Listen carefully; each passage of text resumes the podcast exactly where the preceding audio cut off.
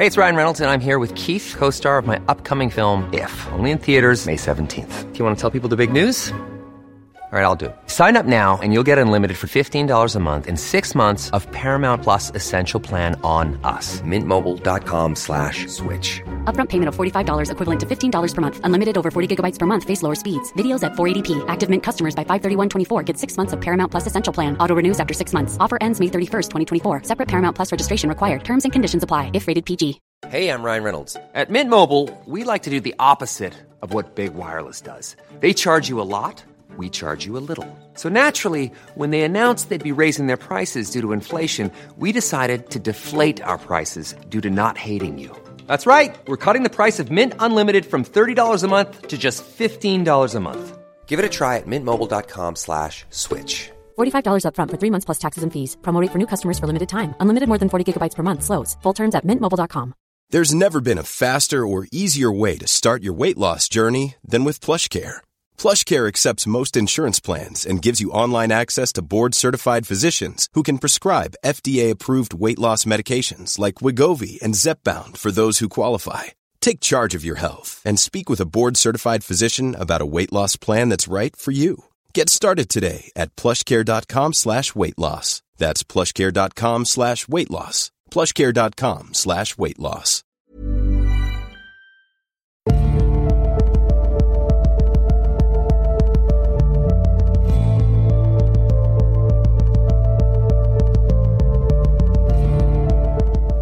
Hei og velkommen til eh, Tåkeprat. Jeg heter Even, og når jeg tar opp denne episoden, så er det søndag den 7. mai 2017. Og vi er nå kommet til episode 23 og del 3 i serien om Jim Jones og People's Temple. I denne episoden så skal jeg se litt på de problemene People's Temple begynte å få med avhoppere, presse og lovens lange arm for tempelets aktiviteter begynte å få en del uønsket oppmerksomhet utenfor egne rekker.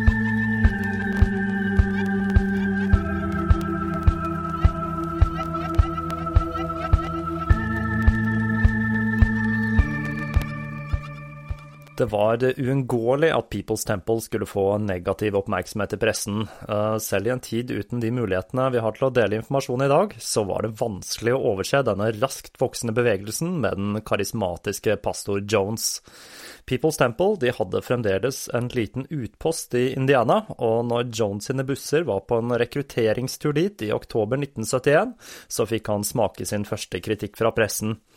Han hadde riktignok begrenset sin prat om sosialisme, men healing-seansene hans de vekket interesse hos pressen. Og da Indianapolis Star bemerket at de som ble helbredet i den første gudstjenesten, hadde en slående likhet med de som ble helbredet i den andre gudstjenesten, så ble Jones nervøs. Med denne åpne kritikken mot arbeidet hans, så bestemte Jones seg for å dra tilbake til Indiana for å vinne pressen over på sin side. Og I dette besøket så snakket han om veldedighetsarbeidet People's Temple drev med i California, og han tordnet mot predikanter som brukte kollekten til å kjøpe dyre biler osv. Men han klarte jo ikke å styre seg helt, da, og han dro det gamle drite ut kreftsvulst-trikset, riktignok med en advarsel om at man ikke skulle ta avstand fra legevitenskapen, men det var ikke nok. Og beskyldningene om kvakksalveri de begynner å komme, og en lege han ber til og med Jim om å overlevere kreftsvulsten til analyse, noe Jones da nekter, fordi han forteller at han har fiender overalt som vil gjøre alt for å sverte ryktet hans, og han fortalte at han var blitt truet på livet hele 23 ganger bare den måneden. Og med dette så begynner tempelet å trekke seg ut av Indiana, men dette skulle føre til et av de største slagene mot tempelets kredibilitet. Carolyn Picketing, en journalist fra Indianapolis Star, skrev et brev til San Francisco Examiner og spør om informasjon om People's Temple. Forespørselen den ble gitt til Lester Kinsolving, som sto for det religiøse innholdet i San Francisco Examiner, og han og fotografen Frans Ortiz drar til tempelet i Redwood Valley sommeren 1972 for å grave litt rundt People's Temple. Kinsolving han var en svært anerkjent journalist, som til og med hadde blitt profilert med sin egen artikkel i Times. Og han var også en ordinert eh, episkopalian-prest, og han kunne derfor sin bibel svært godt. Dette var da den samme trosretningen som faren til R. Gordon Wasson, altså. Da de ankommer eh, Redwood Valley, så blir de først nektet adgang, men etter hvert så får de tillatelse av Jones til å entre eiendommen, men eh, dog uten kamera. Ortiz han blir da igjen utenfor, og han dokumenterer at vaktene er bevæpnet, og når han spør om hvorfor de bærer våpen, så blir han fortalt at dette skyldtes alle attentatforsøkene på Jones.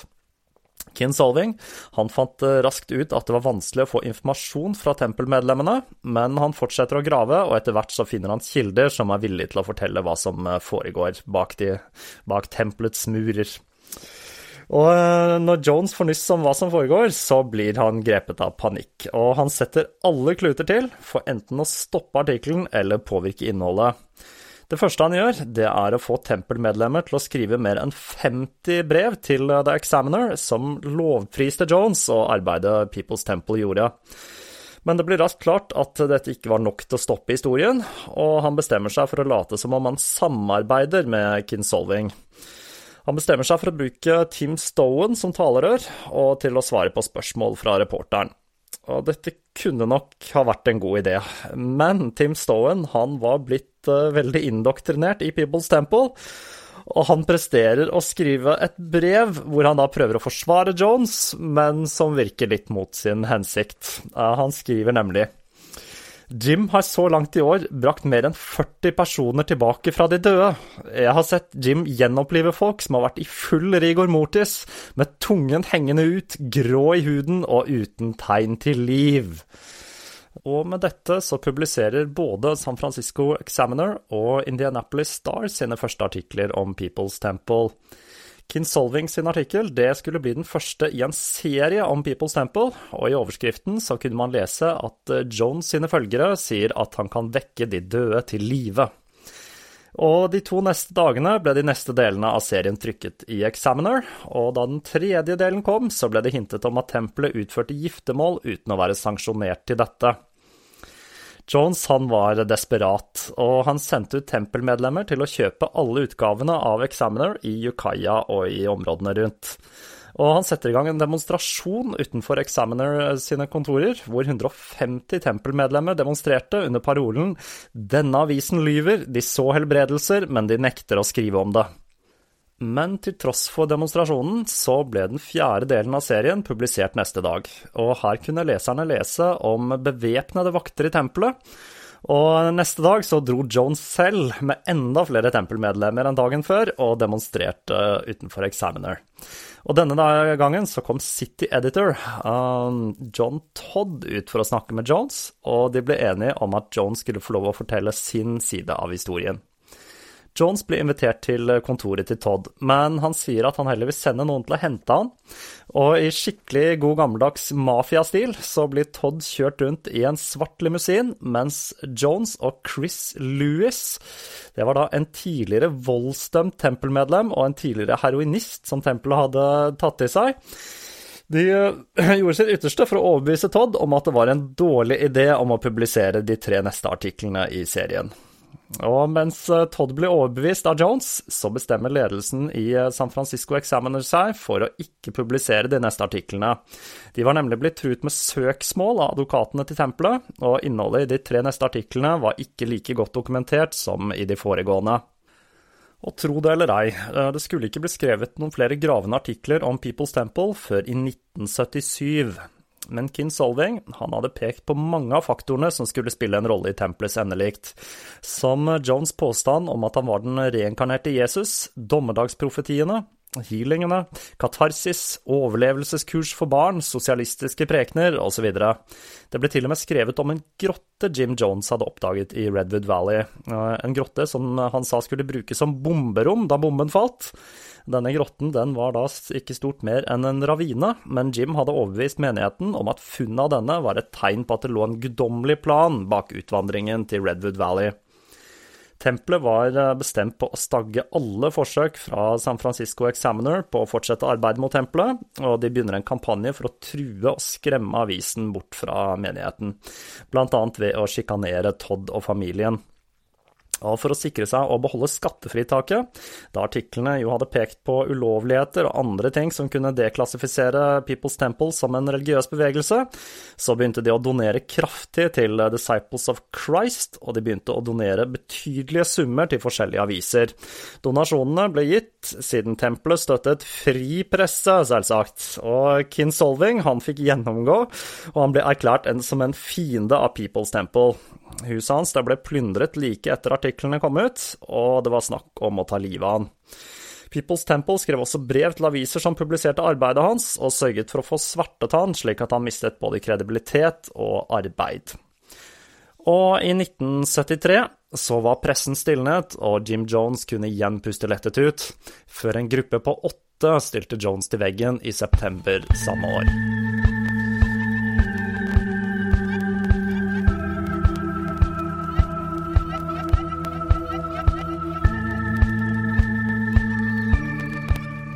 Ikke alle lot seg blende av Jones' karisma og hersketeknikker, eh, og en som eh, ble desillusjonert, det var Jim Cobb. En dag betrodde han seg til romkameraten Wayne Piatila, og han forteller at han hadde tenkt til å hoppe av. Han var litt usikker på lojaliteten til Wayne, men Wayne var nylig blitt utsatt for avstraffelse i katarsis pga. en fabrikkert historie om at han hadde hatt sex med en 14 år gammel jente. Dette var altså ikke sant, men Jones hadde sagt at dette skyldtes nok at han var homofil, og at han hadde tilbrakt for lite kvalitetstid med far, og Wayne fryktet det verste. De begynte å lete etter allierte som var interessert i å hoppe av, og de fant det de lette etter. I tillegg til Jim og Wayne så besto gruppen av Mickey Touchette, Terry Cobb, det var Jims søster, John Bidderp og kona Vera Ingram, Lena Flowers og kjæresten Tom Podgorski. Gruppen utgjorde fire par. Alle var unge college-studenter av blandet rase, noe som var svært passende, og gruppen hadde også noen tidligere PC-medlemmer og en av Johns livvakter, det var Wayne og alle var nære betrodde medlemmer av People's Temple. Denne gruppen fikk eh, tilnavnet De åtte revolusjonære. De var alle lei av ting i People's Temple. For det første så var de misfornøyd med at eh, det med noen få unntak, sånn som RCI James, kun var hvite i ledelsen. At PC-møtene stort sett handlet om sex og gruppens seksuelle tanker om far.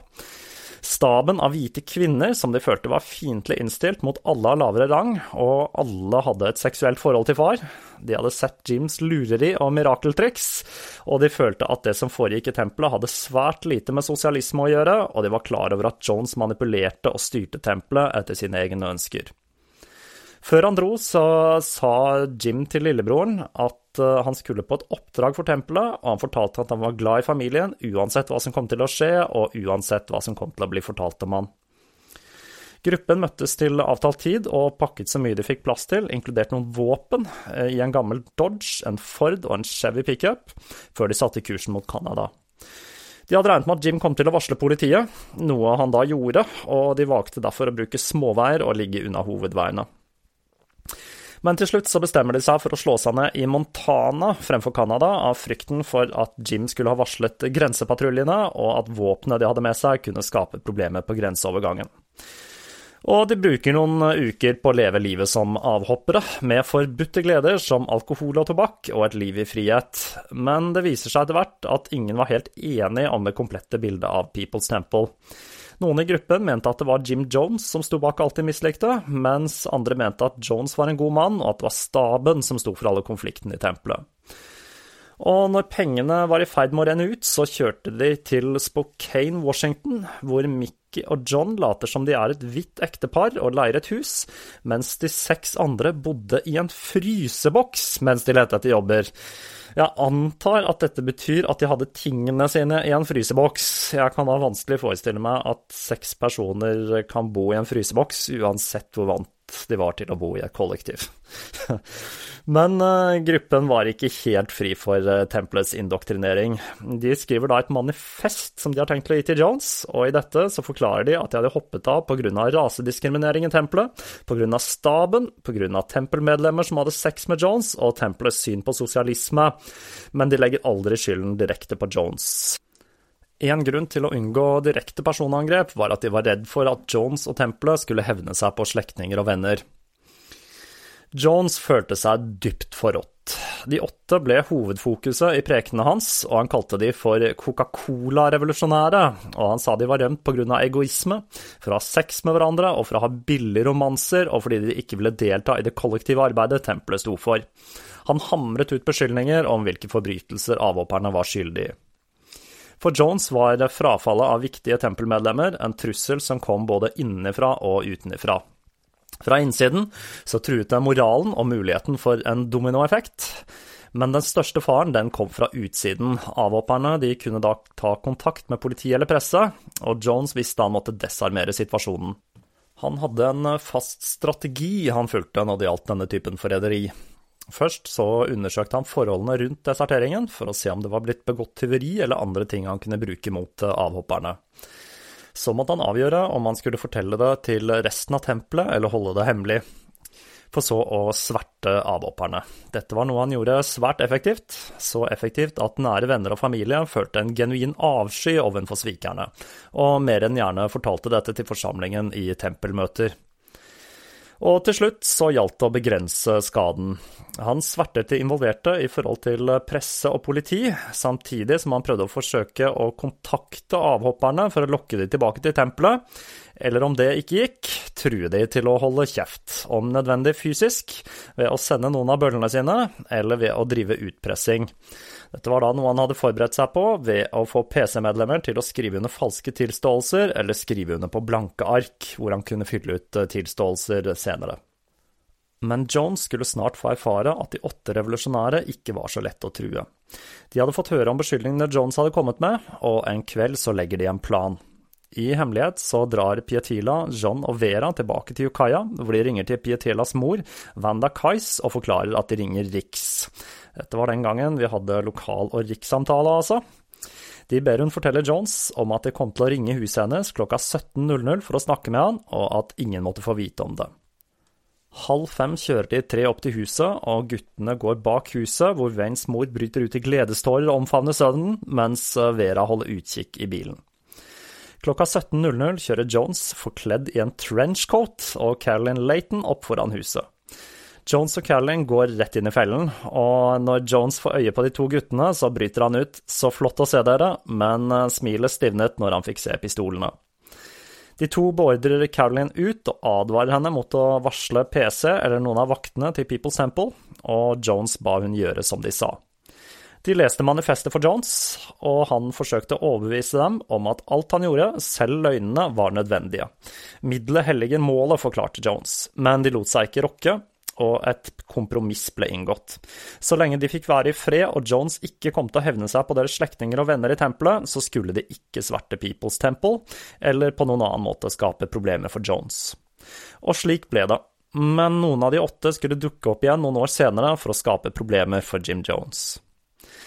Jones var nå fast bestemt på å øke innflytelsen sin i bykjernene i San Francisco og LA, i en periode som var preget av ytterliggående grupper som Black Panthers, New World Liberation Front, The Black Liberation Army og andre.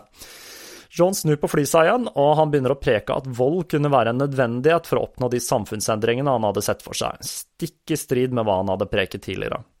Jones ønsket selvsagt innpass og aksept i disse gruppene, og som vi skal se senere, så kommer han til å få akkurat det. Men først, la oss se på et av de kanskje mest pinlige øyeblikkene i livet til Jim Jones, en hendelse i 1973 som skulle sørge for at han fikk et permanent rulleblad. Den 13. desember 1973 spilte Westlake Theater, en kino 2,5 km fra LA-tempelet, Dirty Harry. Westlake Theater var en kjent møteplass for homofile, og det hadde vært en del klager på usømmelig oppførsel ved kinoen. Denne kvelden jobbet to sivilpoliti ved kinoen på utkikk etter potensielle lovbrytere. En av politimennene legger merke til en mann i grønn frakk som vinker til ham fra bakerste rad, men han overser mannen og går inn på toalettet for å sjekke at det ikke foregår noe muffens der. Like etter politimannen har gått inn på toalettet, så kommer mannen i, grønn, i, den grønne frakken etter, og han blotter seg og onanerer febrilsk mot politimannen, som da går resolutt ut av toalettet, og han og partneren arresterer mannen i den grønne frakken når han følger etter. De leser rettighetene hans før han blir tatt tilbake til politistasjonen, hvor han forteller at han var prest i en lokal kirke. James Warren Jones ble arrestert for usømmelig oppførsel og holdt i arresten mot en kausjon på 500 dollar. Han oppgir arbeidsgiveren som The Disciples of Christ og yrket som pastor. Jones ble raskt løslatt mot kausjon, og tempelet begynner arbeidet med å renvaske han. Innen 24 timer så var tempelet i gang med å rydde opp i saken. De fikk en urolog til å skrive en erklæring om at Jones hadde en forstørret prostata som blokkerte urinrøret, og at han hadde fått anbefalt å jogge på stedet eller å hoppe opp og ned for å løse dette. Tempelet lagde da en pressemelding som de kunne publisere dersom saken skulle lekke til pressen. De forsøkte også å donere 5000 dollar til politidistriktet, men denne bestikkelsen ble kontant avvist. Da saken kom opp for retten den 20. desember, så ble saken henlagt etter begjæring fra aktoratet. Men anmodningen om henleggelse den forsvant på mystisk vis etter dette, og ingen i aktoratet kunne huske å ha vært med på å be om henleggelsen. Men saken den var fremdeles i arkivet, og Hey, I'm Ryan Reynolds. At Mint Mobile, we like to do the opposite of Big Wireless. They charge you a lot we charge you a little. So naturally, when they announced they'd be raising their prices due to inflation, we decided to deflate our prices due to not hating you. That's right. We're cutting the price of Mint Unlimited from $30 a month to just $15 a month. Give it a try at mintmobile.com slash switch. $45 upfront for three months plus taxes and fees. Promo for new customers for limited time. Unlimited more than 40 gigabytes per month. Slows. Full terms at mintmobile.com. There's never been a faster or easier way to start your weight loss journey than with plush care PlushCare accepts most insurance plans and gives you online access to board-certified physicians who can prescribe FDA-approved weight loss medications like Wigovi and Zepbound for those who qualify. Take charge of your health and speak with a board-certified physician about a weight loss plan that's right for you. Get started today at plushcare.com slash weight loss. That's plushcare.com slash weight loss. plushcare.com slash weight loss. Og Jones, med hjelp fra Stowen, gjorde alt de kunne for å få denne destruert, og det så ut til at de hadde lyktes. I februar 1974 beordret dommer Stromwall forsegling og makulering av saksdokumentene, noe som var helt uhørt i en sedelighetssak av denne typen, og politidistriktet protesterte og argumenterte med at Jones hadde tilgang til barn. Men dommeren sto på sitt, og Jones trodde dokumentene var destruert, helt til de igjen skulle se dagens lys en del år senere, høsten 1977. Verdens eneste heterofile mann der, altså. En annen hendelse tempelet var involvert i, var da The Symbionese Liberation Army kidnappet Patricia Hirst, arvingen av Hirst-familien, i 1974. The Symbionese Liberation Army hadde kidnappet Patricia for å tvinge fram et matutdelingsprogram i San Francisco. Jones uttrykket stor sympati for denne eh, kidnappingen internt i People's Temple, og han fortalte at dette var en fin lærepenge for borgerskapet. Men utad så tok tempelet avstand fra terrorisme, og de donerte 2000 dollar til Hirst-familien, som da var rivalene til San Francisco Examiner, som et bidrag til matutdelingsprogrammet. Men dette førte til at People's Temple havnet i søkelyset til politiet i San Francisco, som hadde fått nyss om at Jones hadde ekstremistsympatier, og at det ble preket åpent om bruk av ekstreme midler for å oppnå sosiale og politiske endringer. People's Temple hadde nå tre reelle fiender. Pressen, avhoppere og nå også rettsvesen og politi. Jones og Tim Stowen begynte nå å planlegge den store utvandringen til det forjette land.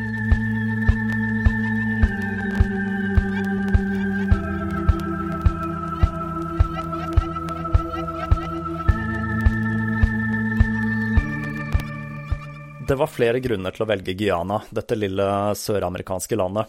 For det første så hadde Jones likt seg svært godt der når han besøkte landet i 1961. Landet var sosialistisk og svært venstrelent, og ikke minst, det ble styrt av svarte. Det var selvsagt også en fordel at landet var fattig og korrupt, og det ville være relativt enkelt for Jones å oppnå innflytelse. Den 8. oktober 1973 blir Guyana valgt som det ideelle sted for utvandringen, med en enstemmig avstemning i ledelsen i People's Temple. I desember 1973 ble Jim, Marcelin Jones og en liten gruppe tempelmedlemmer tatt imot på flyplassen i Georgetown, hovedstaten i Guyana, av Emerson Mitchell, som var sendt for å ta imot gruppen av Guyanas statsminister. Han ble imponert av Jones, som viste ham bilder av hva tempelet hadde oppnådd i statene, og avisutklipp som viste hva veldedighetsarbeidet til tempelet hadde utrettet. Han ble kanskje mest imponert av eh, bildene av bussflåten til People's Temple. Dessuten så var han veldig ivrig da Jones hadde lovet å bidra med fem millioner geanesiske dollar. Det var da tilsvarende to millioner US-dollar. Mitchell hadde fått beskjed om å få de nyankomne til å føle seg velkommen. Det var nemlig en strategisk grunn til å ønske en koloni med amerikanere velkommen til den geanesiske jungelen. I århundrer så hadde Guyana og Venezuela hatt en disputt over grenseområdene, og en amerikansk koloni like ved grensen ville gjøre sannsynligheten for et militært angrep fra nabolandet langt mindre. Myndighetene var også glad for at noen ønsket å utvikle denne ubebygde delen av landet, og at det dreide seg om en sosialistisk gruppe med en overvekt av svarte. Det gjorde saken enda bedre. Og så var det pengene, da. I det store og det hele, Guyana tok imot People's Temple med åpne armer. Emerson Mitchell likte Jones umiddelbart. Han hadde selv bodd i Chicago fra 1944 til 45, og han var svært klar over raseproblemene der, og ble imponert av denne hvite mannen fra Indiana som jobbet aktivt med raseintegrering. Og som han ikke var imponert nok fra før, så ble han enda mer imponert når han viste følge rundt i området de hadde tenkt å bygge ut, et område like ved Matthews Ridge, ca. fem mil fra den venezuelanske grensen. Hvite så nemlig ned på de lokale indianerne, men Jones og tempelmedlemmene ikke bare snakket med dem, men de så på dem som likeverdige og ble raskt venner med lokalbefolkningen. En i staben til Mitchell bemerket at Jones var omgitt av så mange vakre damer, og han lurte på om alle tilhørte Jones, og kommenterte at det var for mange for én mann, og at han burde drikke Capadula, et lokalt afrodisikum noe Jones tok villig imot, og dette økte statusen hans ytterligere. Det var nemlig sjeldent at hvite spiste lokal mat, og gruppen til Jones de spiste det samme som de innfødte, framfor å ha med seg mat fra hjemlandet. De bestemmer seg for å bygge ut bosetningen like ved Port Kaituma, en liten landsby i jungelen. Og Jones ble vist rundt på området, og bortsett fra at det var litt bratt, så var han svært fornøyd med dette avsidesliggende landområdet, som han ga navnet Jordbruksfellesskapet Jonestown. Jones var skikkelig gira på å komme i gang, og han vil at noen skal bli igjen for å administrere papirarbeid og begynne forberedelsene til innrykket av nybyggere. Først så foreslår han sin gamle ultralojale tilhenger Patty Carmel, men hun sier at det vil være umulig for henne å bli Guyana. Dessuten så manglet hun de nødvendige. Eh, erfaringer. Og Jones vil da at RCI James skal bli igjen. Han hadde både erfaring som entreprenør og med administrasjon. Men Archie han sier at dette ikke er mulig. Ikke bare ville han ikke være borte fra kona, men han hadde en rekke ting han måtte ta seg av i USA. Men Jones og følget de insisterer. Og plutselig så griper Jones seg til brystet og deiser i bakken, og da han kommer til hektene igjen, ser han på Iames og sier om du ikke gjør som jeg sier, så kommer tempelet til å miste lederen sin. Og med dette trikset så sier IM seg motvillig til å bli igjen i Guyana, hvor han like etter fikk hjelp av advokaten Gene Chaikin og Paula Adams. Iams skriver under på leieavtalen, og han blir prosjektadministrator for eh, Jonestown. I mellomtiden i Redwood Valley så begynner Jones igjen med sitt manipulasjonsspill. Han begynner å sverte Archie Iams i menigheten og trekke fram adopsjonssaken. Han forteller at han hadde slått kloa i et brev til Becky fra Iams, som var svært avslørende, og som inneholdt kondomer.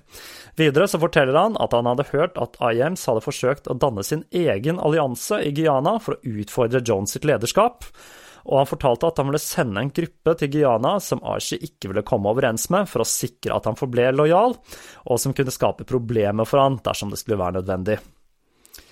Jones sender Mike Tochette, Archies svigersønn, og onkelen hans Tim Swinney og Phil Blakey. Alle de tre var svært lojale mot Jones og tempelet, og i tillegg til dette så sender han tre opprørske ungdommer som skapte en del problemer for tempelet i Redwood Valley. De seks ankom Georgetown i midten av mars. Mike Touchette følte seg ikke helt tilpass med dette, for han var glad i Archie, men lojaliteten til Jones den kom først. Og faren hans, Charlie Touchette, han skulle etter planen komme til Guyana et par måneder senere for å overta stillingen til Archie. Etter en uke så chartrer de et fly til Port Kaituma, og fra luften så ser de første gang området de skal bygge ut. Tett jungel, så langt øyet kunne se, kun avbrutt av et par små brune elver som snirklet seg gjennom det smaragdgrønne jungellandskapet. De landet på en grusbelagt eh, jungelflystripe i Port Kaituma. Port Kaituma var en knøttliten landsby med ca. 50 hus, et par barer, og lokalbefolkningen besto stort sett av indianere, noen få statsansatte og noen løsarbeidere. Landsbyen var rett og slett lutfattig. Det var ingen veier til landsbyen, og den eneste faste transporten det var fly til Matthews Ridge, og fly til Georgetown det måtte chartres. De første nybyggerne var forventet i august, og tempelet hadde kjøpt en båt, The Cujo, en 75 fot båt som skulle frakte nybyggerne fra Florida til Georgetown og videre inn i Guyana. Jones hadde da fortalt at dette var en fantastisk flott båt som også kunne brukes til å fange fisk til nybyggerne, men i realiteten så var dette en lekk rustholk som var altfor liten til den tiltenkte transporten.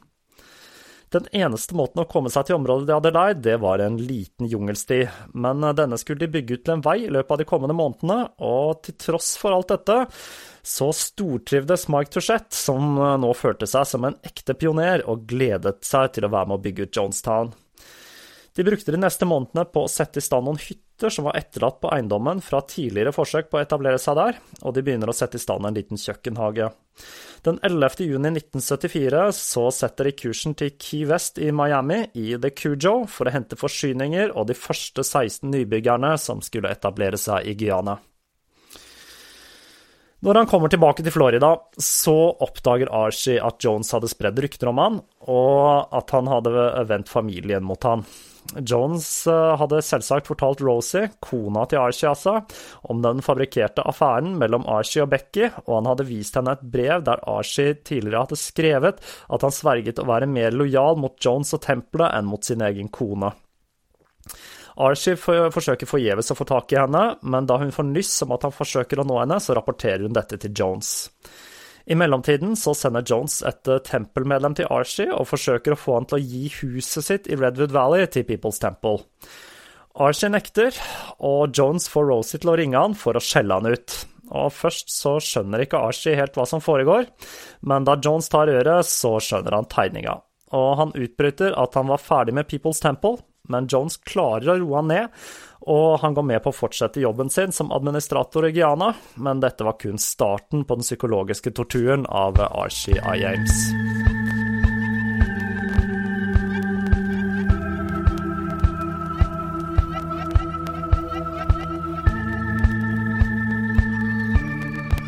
Blant de første som utvandret til Guyana, var bl.a. mesteparten av Touchette-familien. Grunnen til dette det var jo at eh, Mickey Touchette var en av de åtte avhopperne, og Jones ville ha familien ut av USA. Dessuten så var de lojale og ville mer enn gjerne være med på å plage Archie. Noe de andre på bussen også hadde sagt seg villig til, inkludert hans egen datter Debbie. Archie hadde tross alt utfordret far. Plagingen av Archie den startet umiddelbart, og gruppen klagde på alt han gjorde, og skrek på han for den minste lille ting. Og når Rosie kommer, så nekter hun først å snakke med han. Men heldigvis så får de to til slutt snakket sammen, og det går opp for de begge at det hele var iscenesatt av Jim Jones. Men dette betød ikke at de vendte tempelet ryggen, snarere tvert imot, for eh, like etter dette så gir Archie Iams huset sitt i Redwood Valley til People's Temple. Han ønsket desperat å fortsatt være en del av fellesskapet. Men resten av nybyggerne de fortsatte å plage IAMS på vei til Guyana. På båten, som da var designet for seks, men nå holdt 16, så begynte livet å bli utholdelig for IAMS, som hadde gitt 17 år av livet sitt til People's Temple. Da Rosie forsøkte å forsvare mannen sin, så fikk hun bare høre at de gjorde som instruert av Jones. Men heldigvis så fant Iames en alliert. Ganske usannsynlig så blir han alliert med Chris Lewis. Um, han var jo da håndlangeren og bøllen til Jones, men resten av følget de var så redde for han at uh, Archie fikk endelig være litt i fred.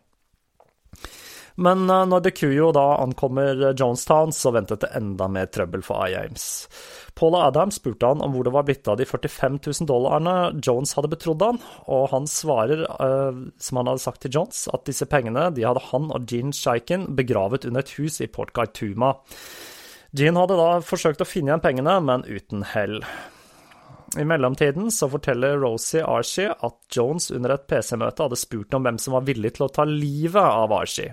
Flere hadde rukket opp hånden, og noen av disse var blitt med båten til Guyana. Når de kommer tilbake til Port Kaituma, og Archie og Jean skulle lete etter pengene, så dro Archie i forveien, og han fant de med en gang. Han tar da disse pengene og sender de i sitt eget navn til Georgetown. Archie, Rosie og Debbie forlater Port Kaituma, og de kjøper flybilletter hjem til statene. Men neste fly det gikk ikke før om en uke, og de flytter rundt til forskjellige hotellrom for å skjule sporene sine. Men etter et par dager så banker det på døren midt på natten, og det var Jim Jones og et annet tempelmedlem. Archie sier han føler at tempelet har blitt rasistisk, og han ser ikke noen annen mulighet enn å forlate People's Temple. Og ukarakteristisk så lar Jones han og familien dra tilbake til California. Men Jones hadde selvfølgelig en plan, og han visste åssen han skulle få tilbake både Archie og pengene. Han kommer med en offentlig unnskyldning overfor Archie og familien, og etter noen få dager så gir Archie tilbake pengene, og IMs-familien faller igjen tilbake i klørne til Jim Jones og People's Temple. Endelig hadde Jim Jones sin drøm om et tropisk paradis der menigheten hans kunne gå i eksil, blitt til virkelighet. Hans eget kongedømme isolert i jungelen. Han kunne ha fortalt medlemmene i Redwood Valley sannheten, at arbeidet med å bygge Jonestown var knalltøft, og at det var en utfordring å dyrke mat i den gianesiske jungelen. Men sannheten og Jim Jones de gikk aldri bra sammen. Han fortalte at det hele var et tropisk paradis, med frukt som smakte som sorbé, og det var så mye frukt at du bare kunne sitte under et tre, så falt den modne frukten rett i fanget på deg. Og i løpet av sommeren 1974 så begynner People's Temples jordbrukssamfunn på Guyana å ta form. De fikk laget en henger til å transportere varer til og fra Johnstown, og det begynte i det små å dyrke jorda. De fikk satt opp noen bygninger og startet arbeidet med å få tak i generatorer og ryddet jungel ved hjelp av lokale indianere.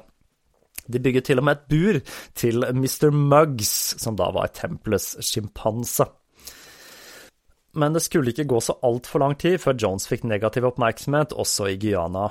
Han får nemlig låne kirken til en jesuittprest i Guyana, Andrew Morrison. Han var født i Guyana av engelske foreldre. Guyana var da en tidligere britisk koloni. Og Jones han får lov til å holde en gudstjeneste der for å fortelle litt om arbeidet med Jonestown, og det blir avtalt at eh, denne skal holdes den 30. desember samme år, når Jones da kommer tilbake på besøk. I desember så kommer Jones med et følge bestående av PC-medlemmer og staben. Selv Archie Iams hadde svakt stoltheten sin og var med.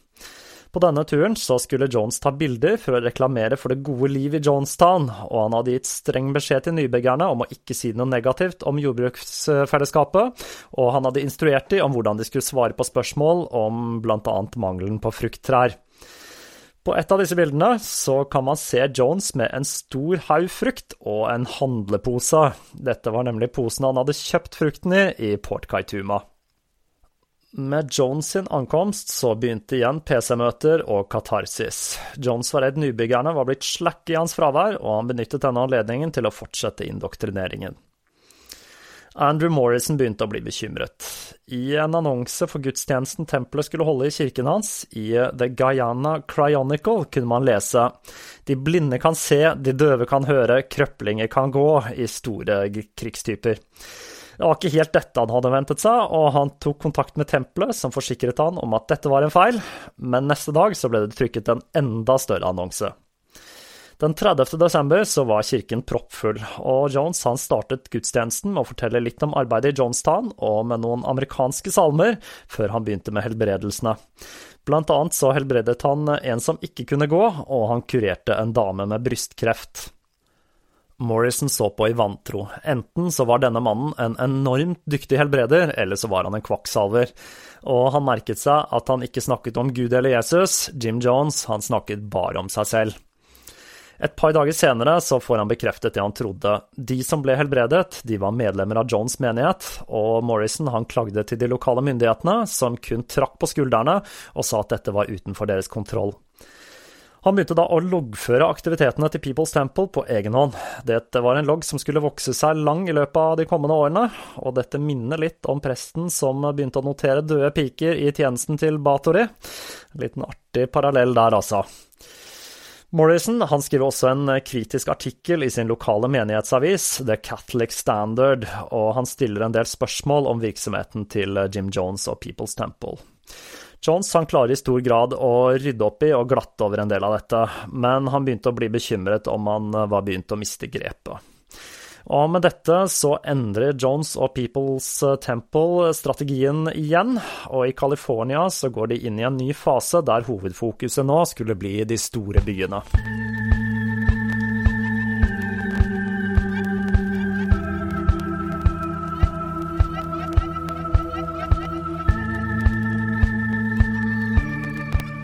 Med Jonestown etablert i Guyana, hadde Jones lagt grunnlaget for den perfekte kulten. Et samfunn bygget etter Jones' modell og avskåret fra omverdenen med ugjennomtrengelig jungel. I neste episode så skal jeg se nærmere på Jones' arbeid med radikale grupper i California, og arbeidet med å gjøre Jonestown til et selvforsynt paradis. Dette var da noe som skulle vise seg langt vanskeligere og ikke minst dyrere enn det Jim Jones hadde forestilt seg. Og da er Tåkeprat over for denne gang. Jeg kan vel bare oppfordre til å følge Tåkeprat på Facebook og Twitter. Det ser ut til at det er Facebook som er den siden de fleste lyttere går til, men jeg oppdaterer da begge to. Meg kan du følge på Instagram som Even Leven, og da gjenstår det bare å si på gjenhør.